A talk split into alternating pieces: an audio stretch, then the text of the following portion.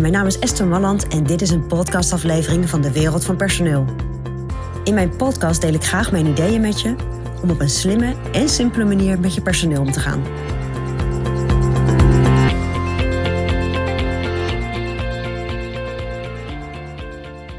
Ja, wat er nog wel eens gebeurt in de praktijk is dat een medewerker vertrekt bij een bedrijf.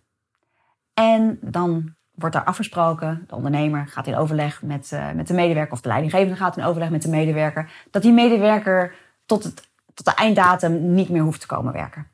En daar kunnen allerlei redenen voor zijn en daar wil ik het nu niet over hebben. Maar waar ik het wel met je over wil hebben, is het label dat je daarop plakt. En wat ik toch regelmatig hoor, is dat een ondernemer dan iemand op non-actief heeft gesteld. Maar ik durf te beloven en ik durf te zeggen dat op het moment dat je medewerker op een feestje zit of ergens anders aangeeft dat hij op non-actief is gesteld, dat dat een hele andere lading is dan jij waarschijnlijk denkt. Want als je op non-actief wordt gesteld, ja, dan is er wat aan de hand in je bedrijf. Dan heeft je medewerker waarschijnlijk iets gedaan waardoor die op non-actief wordt gesteld. In afwachting van een onderzoek wat er plaats gaat vinden. Of omdat er iets uitgezocht moet worden. Non-actief heeft best een zware lading.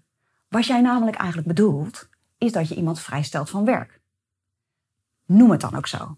Want vrijstellen van werk klinkt veel relaxter en klinkt ook veel uh, passender bij iemand die gewoon niet meer hoeft te komen werken tot de einddatum van zijn contract. En nogmaals, daar kunnen heel veel verschillende redenen voor zijn.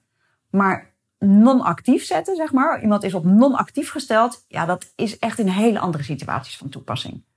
En op het moment dat iemand dat uitspreekt, ik ben op non-actief gezet, of ik ben non-actief gesteld, ja, dan kan ik me voorstellen dat er mensen in een omgeving denken, oeh, dat is niet zo best.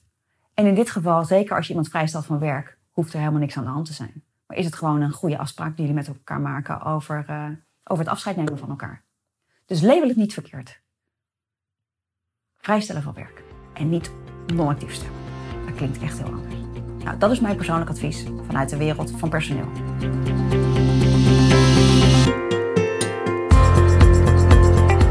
Wil je ontwikkelingen in de wereld van personeel blijven volgen? Abonneer je dan op ons podcastkanaal. Ook op onze website vind je allerlei slimme ideeën en adviezen. Dus kijk even rond op www.dewereldvanpersoneel.nl.